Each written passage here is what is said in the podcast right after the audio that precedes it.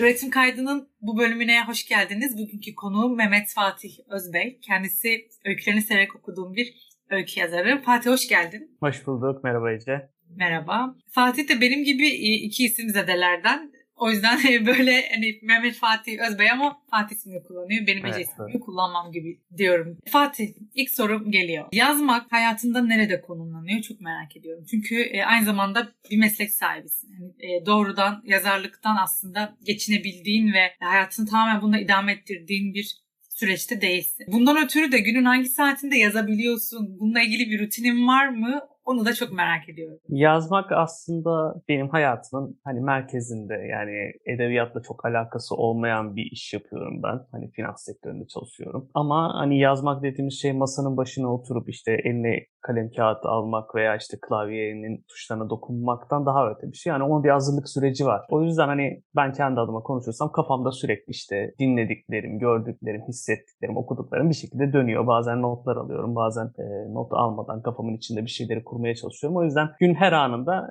bir yerden hani bir şey acaba bana gelip kafamın içine hani bir hikaye olur mu, öykü olur mu, bir, bir yazı fikri olur mu, bir karakter olur mu diye bakıyorum. Not etmeye çalışıyorum. Biraz daha farkında olmaya çalışıyorum. O yüzden yazı benim hayatımın merkezinde. Hani hiçbir zaman onu arka plana atmıyorum. Yazma saatine gelince yani ben genellikle geceleri yazıyorum ama bu tamamen e, benim yani geceleri çok verimli yazıyorum. O yüzden gece olsun, gece yazmalıyım gibi bir durumda değil. Hayatın yani yaşın, yaşantımın beni oraya itmesinden kaynaklı. Çünkü işte sabah işe gidiyorum, akşam biraz geç saatte geliyorum. Evde bir ailem var, onlarla vakit geçiriyorum. Hatta küçük bir çocuğum var. Onun uyumasını, evin biraz sakinlemesini bekliyorum. Ondan sonra işte oturup masanın başına neler yazabiliyorum diye bakıyorum. Ama bu ister istemez bir rutine dönüştü tabii. Yani sonuçta sabah çok e, normalden daha erken kalkarsam bile çok fazla bir şey yazmıyorum. Yazdıklarımı genelde e, tekrar okumaya çalışıyorum, bakıyorum onlara onlara. Ama yazı yazma işte bir öykünün üzerine çalışma, oturup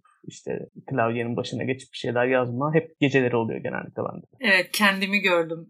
Ya gerçekten çalışan bir insan olduğunda ister istemez geceye çok kayıyor bu. Yani elinde olan dediğin gibi biraz böyle mecburi bir e, süreç gibi ilerliyor aslında. Ama bunu işte veri, ne kadar verimli yapabiliriz'i biraz daha ileride belki bunun üzerine de konuşabiliriz seninle. Duymak istediğim şeyler var aslında. Nasıl verim alabildiğine dair. Peki şunu soracağım. Ee, sen sabahları genelde yazdığımı okuyorum tekrar dedin ya. Ya bir yazdığını bekletme süren e, ne kadar oluyor? Yani 2-3 gün asla okumam tekrar bekletirim dediğim bir böyle bir totemin, rutinin, rutinin gibi bir şey var mı? Yani yazdıklarımı ilk başta eşime okutuyorum o edebiyat dünyasının içinde. Ya yani ondan gelen eleştirilere böyle bir bakıyorum. Ondan sonra sıcağı sıcağına onlar üzerine bir çalışıyorum. Ondan sonra bırakıyorum. Ben e, bunun bir şey yok. Hani 3 gün olsun 5 gün olsun gibi bir şey yok ama genelde bir hafta 10 gün bazen böyle tembellik edip bir ay. Ama çok da ondan da kopmak istemiyorum öyküden. Çünkü o zaman biraz soğuyorsunuz. Hani tekrar dönmeniz zor oluyor.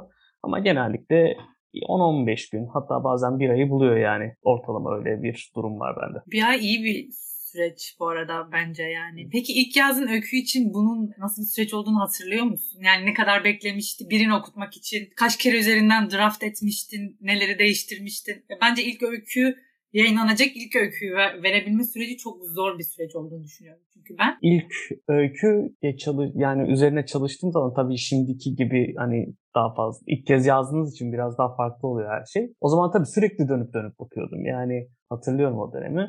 Hani yazdım, iki gün sonra tekrar bakıyorum. Birilerini bulmaya çalışıyorum. O zaman çok çevremde de e, böyle okutabileceğim çok fazla insan yoktu. Hani görüşlerine güvenebileceğim birkaç kişi vardı. Onları okutuyorum. Onlardan gelen fikirler doğrultusunda tekrar e, yazmaya e, yazmaya üzerine çalışmaya başladım. Bir de yani şey vardı. Üzerine çalışıyorsunuz ama ne yaptığını da bazen çok bilmiyordum açık açık söyleyeyim.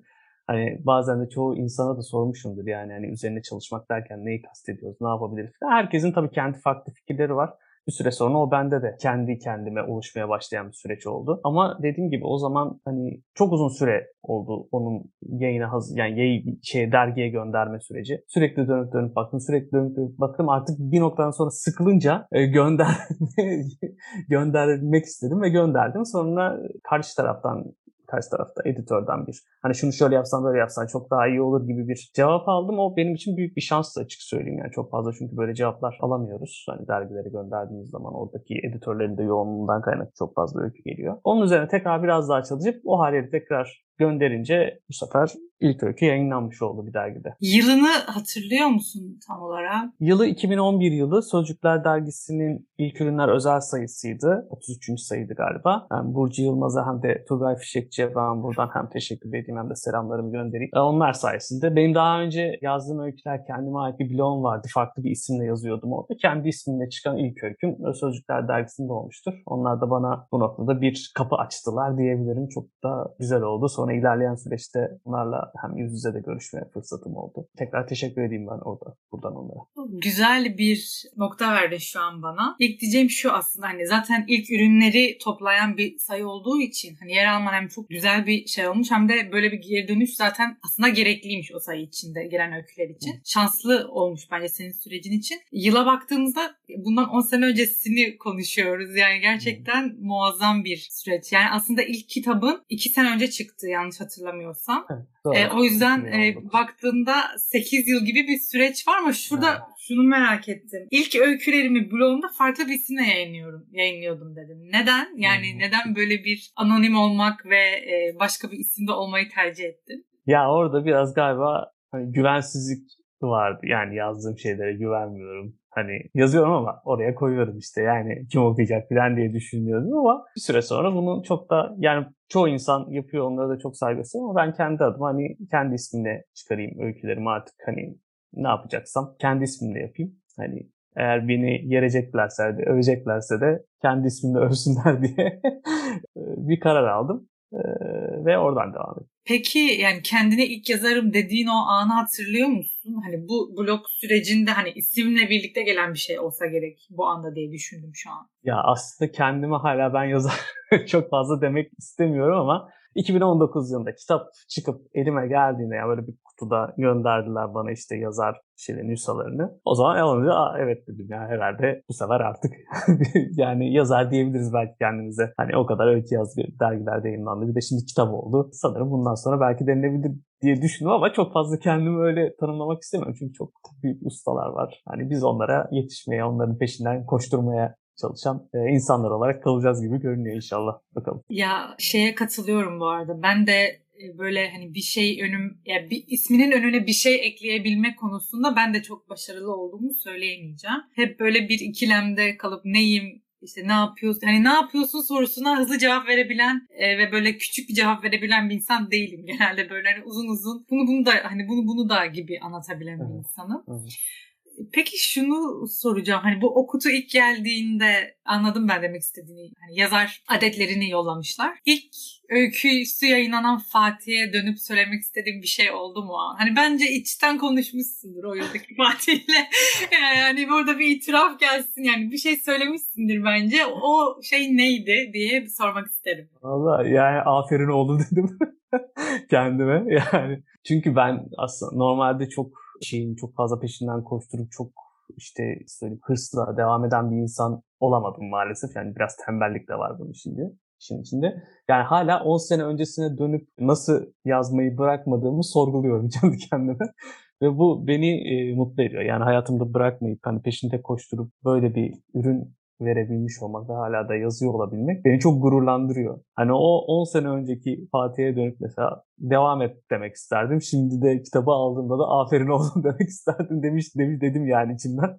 Çünkü benim için çok zor bir şey. Yani bir şeyin bu kadar peşinden koşturmak. Yani 10 sene çok uzun bir süre çünkü. Ama bunu başarabilmiş olmak biraz da tabii yazmayı sevdiğim için çok ağrıtsa da acıtsa da zorlu bir süreç olsa da sevdiğim için e, bırakmamış olmak, bir kenara itmemiş olmak benim için çok mutluluk verici. Şunu şunu sormak istiyorum o, o halde. Bu Buraya Bakarlar kitabındaki öyküler. Belli bir yıl arasında yazılan öyküler mi? Yoksa bu 10 sene boyunca biriken öykülerin biraz böyle evrilmesiyle aslında toplanan bir dosya mı? Zaten dosya hazırlama sürecini de peşi sıra soracağım. Hı. Ama e, ilk merak ettiğim şey aslında buradaki yani ilk öyküden son öyküye kadar ne kadarlık bir zaman diliminde yazıldı bunlar? Kitaptaki uç, Astronaut uç öyküsü 33, Sözcüklerin 33, 33. sayısında yayınlanan öykü. Yani 2011. Sonrasında iç, kitabın içerisinde o süreçte yazdığım öyküler var. Ama büyük bir kısmı yakın tarihli. Daha çok üretim arttırdığım için diyebilirim. Ama tabii 2011 yılından da dediğim gibi öykü var. 2014, 2015'ten de var. Sürekli bunlar üzerine çalışılıp biraz daha farklılaştırılıp en son haline getirilmiş öyküler. Çok iyi. Yani şunu merak etmeden edemiyorum. Kitabı gerçekten iki kere okudum ve öykülerin hepsi çok özgün. Yani içinde çok farklı duymadığım ve aslında bizim gündelik hayatta ben öyküde onu çok severim zaten. Gündelik hayatta farkında olunmayan şeyleri tutup çeken öyküler benim hep böyle daha içime işleyen öyküler olur. İçinde otobiyografik ögeler içeren ve özellikle benim bir anımdan yola çıkarak yazılan dediğim bir öyküm var mı içerisinde? Mesela fındık ezmesi öyküsü benim başımdan geçen bir olay, bir anın sonrasında yazılmış bir öykü. Yani oradaki fındık ezmesi kavanozunu alıp başka bir rafa koyan kişi benim normalde. yani kendimden utanıyorum birazcık ama yapacak bir şey yok. Çok ısrarcı davrandı oradaki arkadaş. Ondan sonra ben biraz içerledim galiba. Onun üzerine o hislerle beraber işte biraz kafada döndürüp kurgulayıp onu bir öykü haline getirdim o hikayeyi. Bir de uç Ice uç öyküsünde biraz kendimden bir şeyler var diyebilirim ucundan, ucağından bir şeyler var denilebilir ama onun haricindeki öyküler genellikle şey e, otobiyografik olmayan tamamen kafadan salladığım öyküler. Ya kurmaca hissedil kurmaca ve gözlem hissediliyor çünkü. Ee, özellikle şimdi iki öyküyü çok merak ettim. Onları özellikle soracağım. O yüzden ben bu soruyu çok sormak istedim. Yani otobiyografik öykü olan illaki bir öykü vardır ama acaba hangisi kısmını okuyucu olarak ve hani seni tanımayan bir insan olarak doğrudan alamıyorum. Bu da bir başarıdır diye düşünüyorum e, açıkçası. O yüzden ilk sorum kaçak işçi öyküsüne dair. Yani bu öykünün üretim sürecini e, ve ciddi anlamda hani ilk fikirden son ana kadar olan kısmı çok merak ediyorum. Çünkü ben zaten bu menkıbe dediğimiz şeylere yani anonim dolaşan hikayelere yani özellikle ilgisi olan ve bu hikayelerin her toplumda yani her toplulukta daha doğrusu farklı olan kısımlarını böyle didiklemeyi severim. O yüzden ya bu böyle sürekli duyduğum bir şey miydi? Ee, çocukluğundan böyle hani kendi aile çevrenden ve onu hani böyle bir şey mi evirdin? Ya da gerçekten belki dediğin gibi böyle bir anısı yaşayan bir insana duymuş olabilirsin. Ya merak ettim bu öyküyü ciddi anlamda. Ya aslında o biraz planlı yapılan yazılan bir öykü. Şöyle olmuştu. Post Öykü dergisi var biliyorsundur. Orada bir atölye kısmı vardı seneler evvel. Atölyede acayip bir mahlukattaki yaratık karakter haline getirilip bir öykü yazılması şeklindeydi. Orada da bir al karısı karakteri vardı. Ben ki ben bunun üzerine bir şeyler yazabilirim galiba diye düşündüm. Sonra biraz al karısı üzerine nedir ne değildir diye bir araştırdım. İşte halk e, edebiyatı işte neler yazılmış internetten biraz bir şeyler buldum. Ondan sonra orada bir karakter oluşturmaya çalıştım ama onu tabii en sevdiğim şey işte o tarz e, işte masal karakterleri veya işte bu tarz hani gerçek hayatta olmayan öğeler barındıran karakterleri alıp hani bizim şu an yaşadığımız hayatın içine koyabilmek. Bana çok güzel bir imkan verdi orada o, fikir. Onun üzerine o öykü çıktı ama dediğim gibi biraz atölye öyküsü oldu. Hani atölyenin bana e, şey yaptı. Yani daha doğrusu dergiyi aldım. Baktım böyle bir atölye var. Bu karakter üzerine yazın gibi bir şey söylemiş. Oradan yola çıkarak yazmaya çalıştım. Ama çok eğlendiğimi hatırlıyorum. Yani yazarken biraz zorlandım ama sonrasında o süreçte çok eğlendiğimi hatırlıyorum. Çünkü gerçekten çok güzel bir alan vermişti bana hani yazma açısından. O öykü öyle çıktı. Biraz da şey polisiye bir hikaye oldu. Farklı bir hikaye oldu. Eğlenceli bence hani hem mizah var içinde hem keder var. İşte biraz günümüz insanın uyanıklığı var her şeyi koymaya çalıştım bir şekilde. Ya şey de çok iyi, sıralaması da çok iyi. Yani mesela fındık ezmesi, zaman çizelgesi, ritmi okuyoruz, hmm. peşi sıra bunu okuyoruz. Hmm e, böyle şey oldu. Böyle e, ciddi anlamda bir kurgunun içindeymişim gibi hissettim. Hani e, dinleyenler yanlış anlamasın. Birbiriyle bağlantılı öyküler değil bunlar ama tüm o gözlem ve hikayenin kendisi böyle bir bir e, başka bir kurguya sürükledi beni okurken. Post öykü dediğin için burada ben de bir parantez açmak istiyorum. Dergi, e, dergi ekibinden Sami benim yine böyle 2009 2010 yıllarında böyle Tumblr'da tanıştım ve böyle o zamanlar Tumblr'da böyle öykü grupları ve böyle birbirimize her hafta öykü yayınladığımız bir süreç vardı. Oradan tanıdığım bir arkadaşım. Post öyküyü de severek takip ettiğim dergiler arasında söyleyebilirim. Böyle bir atölye deneyimi olduğunu bilmiyordum. Yeri gelmişken evet. söylemek istedim. Güzel oldu. Dedem bir uzaylıya gelmek istiyorum. Çünkü burada aslında doğrudan e, üretimle ilgili bir öykü var içerisinde. E, üretim süreciyle ilgili. Yeşilçam'a güzel bir atıf var. Bunun hikayesi nedir peki bu öykünün? Ya aslında ben hani öyküleri yazarken biraz da böyle sinematografik olsun hani gözle arasında çok mesafe olmasını istiyorum. Hani okuduğun zaman hani gözünün önüne gelsin karakterle istiyorum. Şimdi ben küçüklüğümden beri benim yaş grubumdaki insanların da çoğu muhtemelen Cüneyt Arkın filmlerinin hepsini izlemişlerdir. İşte Battal Gazisi'nden tutun da işte Kara Murat'ına kadar ama bu Dedem Uzaylı'daki Yeşilçam göndermesi aslında dünyayı kurtaran adam diye bir film var Cüneyt Arkın'ın ve aslında çok fazla hani izlenmeyen daha fazla alay konusu olan bir film. Bir gün karşıma çıktı bu film. Ya ben de çok fazla izlememişim. Hani daha haberlerde görüyorum işte dünyanın en kötü filmi seçildi falan gibi ama bir gün karşıma çıktı. Hadi ben bunu izleyeyim dedim ve sonra hani başrol yani bunun üzerine bir öykü yazabilirim diye düşündüm. Çünkü burada da yine bir mizah var. Yine nasıl söyleyeyim hani bir geçmişe dönme olabilir, bir mizah olabilir, bir sıradı, sıradanlığı farklılaştırabilirim, tuhaflaştırabilirim diye, diye düşündüm. Ve öyküyü yazmaya başladım ama tabii ana karakteri ben çoğunlukla başrol işte bu tarz çok belirgin insanların ana karakteri olmasını istemiyorum. Daha çok bizim gibi sıradan yolda geçerken göreceğimiz insanların bir öykünün ana karakteri olmasını istiyorum. Bir dede figürüyle başlayayım. Bakalım nasıl gelecek diye oturdum. Bir cümle yazdım daha sonra peşi sıra geldi. Ben bu öyküde de yine çok eğlendiğimi, çok zorlan yazarken çok zorlandığımı hatırlıyorum çünkü filmi izledim mesela birkaç kez izledim hani yanlış bir şey yapmayayım yazmayayım falan diye. Ondan sonra ama eğlendiğimi hatırlıyorum yine orada da bir hem hayatın acısı var işte geçmişe böyle bir dönme isteme hali var ama mizah da var. Keyif aldığım öykülerden biri oldu. Benim de gerçekten kitapta böyle üçüncüye de okuduğum öykülerden biri Dedem Bir Uzaylı kesinlikle. Benim de Cüneyt Arkın'la böyle minik bir anım var. O yüzden de böyle aslında o filmi hatırlattığı için bana böyle gülerek okudum ben de. Ee, aslında bu da böyle yayıncılık hayatına baş, şu an başlayan e, Ece'ye dair bir şey olsun dinleyenlere. Böyle bir anım vardı benim. Cüneyt Arkın yani Rize'ye geliyordu böyle e, büyük bir büyük bir şey miydi ya tam hatırlayamadım ne olduğunu ama Yeşilay ile ilgili bir şeydi diye hatırlıyorum. Hani ve Cüneyt Arkın Rize'yi ziyaret edecek vesaire. Biz o zamanlar hani e, daha böyle ilkokul 8'deyim ve okul dergisinin editörüyüm. Yani okul dergisinin editörü olmak da yani nedir? Ya yani böyle şey röportaj yapılacak. Hani böyle okul dergisi olarak öğrencilerimde soru sormaz. Hani güzel bir e, alan bakıldığında. E, minik boylu olmanın avantajı ve böyle bir yandan da dezavantajını anlatacağım şu an dinleyenlere.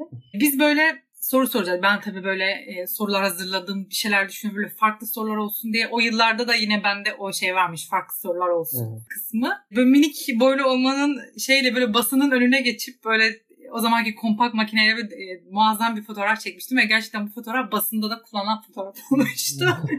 bu başarımı hiç unutamıyorum hakikaten.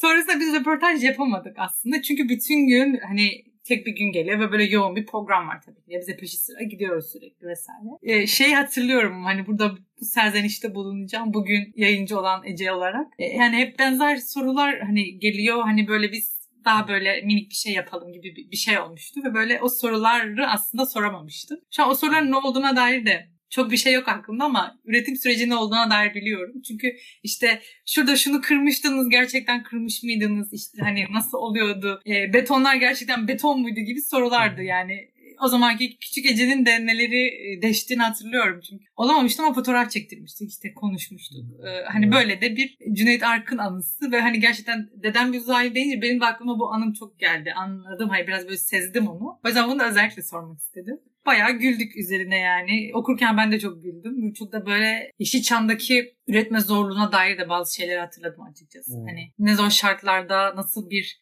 sanat ekipleriyle yani nelerden feragat edilerek yapılıyordu o filmler diye hatırladığım bir hmm. öykü oldu. O şeyle alakalı işte Dünya Kurtaran Adam'la alakalı daha sonra galiba bir röportaj yapılmış Cüneyt Arkın. O da onu anlatıyor yani.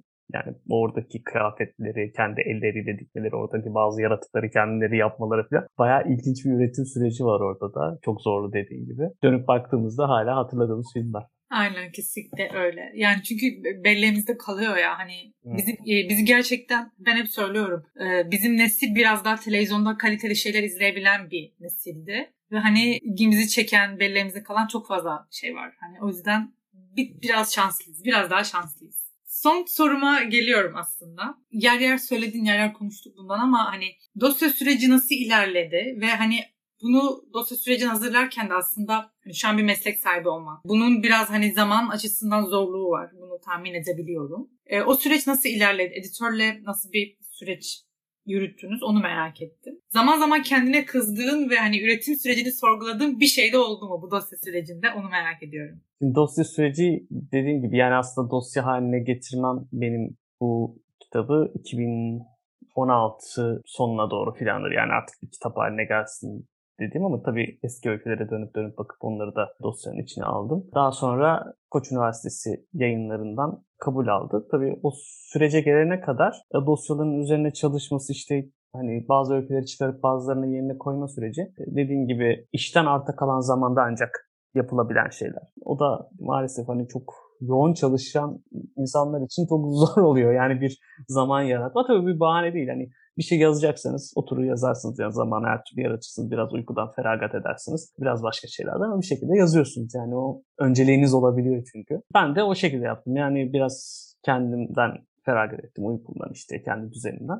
Ama bir şekilde dosya haline getirebildim. Dosya haline getirdikten sonra dediğim gibi Koç Üniversitesi yayınlarından işte kabul alınca bu sefer ilk başta bazı öykülerin çıkarılması hani kitabın geneli için bakıldı. Hani şu öyküler kalsın, bu öyküleri yerine farklı buna bu minvalde öyküler olsun gibi bir şey istendi. Tekrar birkaç tane öykü yazma sürecine girdim ben. Hani yeni bir öyküler. Ondan sonra daha sonra o haliyle beraber bir editör atandı. Barış Cezar. Onunla çalıştık. Daha çok mail yoluyla çalıştık ama kendisi bana hani kendi görüşlerini söyledi. İşte biraz yönlendirdi böyle yapsak daha iyi olabilir, şöyle yaparsak daha farklı olabilir gibi. Güzel bir çalışma geçirdim onunla da. En sonunda da dosyayı teslim ettik ve dosya yayınlandı. Hani o süreçte kendime kızdığım nokta ya daha ben biraz üretimi az olan bir hani yazar diyelim abi yazarım. Ee, yani çok fazla yani üretmekte zorlanıyorum. Yani zorlanıyorum derken bir şey yapmak istiyorum. Yani bir öykü bir hikaye bulmaya çalışıyorum ama bu hikaye işte benim yazdığım bir tarzım var. O ona benzesin. Oradan e,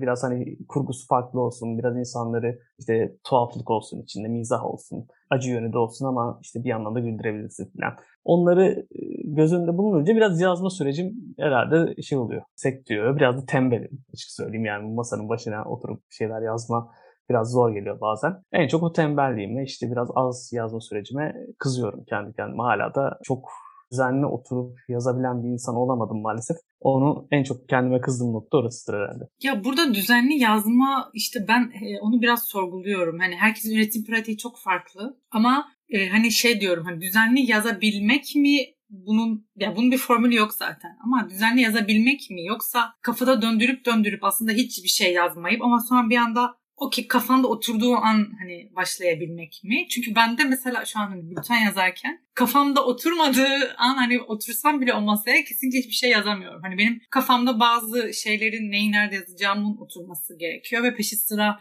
ben hani yazabiliyorum aslında. Belki biraz birkaç yıl geçtikten sonra hani oturunca da Hani yazdıkça da onu bulacağım, bunu bulacağım gibi olacak, olabilir hani ileride. Hani ben tembel gibi adetmezdim kendimi senin adına ama sen tembel tembelim diyorsan daha iyi biliyorsundur kendinizi evet. ama öykülerdeki o bekleme süreci biraz daha yavaş yazma hani biraz kendini belli ediyor ve bu da hani senin üslubun olmuş gibi görüyorum ben. O yüzden bu bence demotive etmemeli. Ee, üretimin de hani azlığı hani çok fazla öykü olup pek çoğunu eleyip bir dosya yapmak mı az öz ama yazdığın her şeyin bir arada olduğu bir dosya mı dersem ben son söylediğimi daha görmek isterim bir e, yazarda da daha doğrusu. Çünkü bir şeyleri çıkarmak, bir şeylerden vazgeçmek daha zor ve he, hep bana şey geliyor. O neden dışarıda kaldı? Neden bir şeylerin içine giremediği kısmını ben çok sorgularım hmm. ve üzülürüm. Hani bunu konuk aldığım insanlara da hani genelde neyi çıkardın, neyi yapamadın. Bu işin doğasında olan bir şey hmm. ama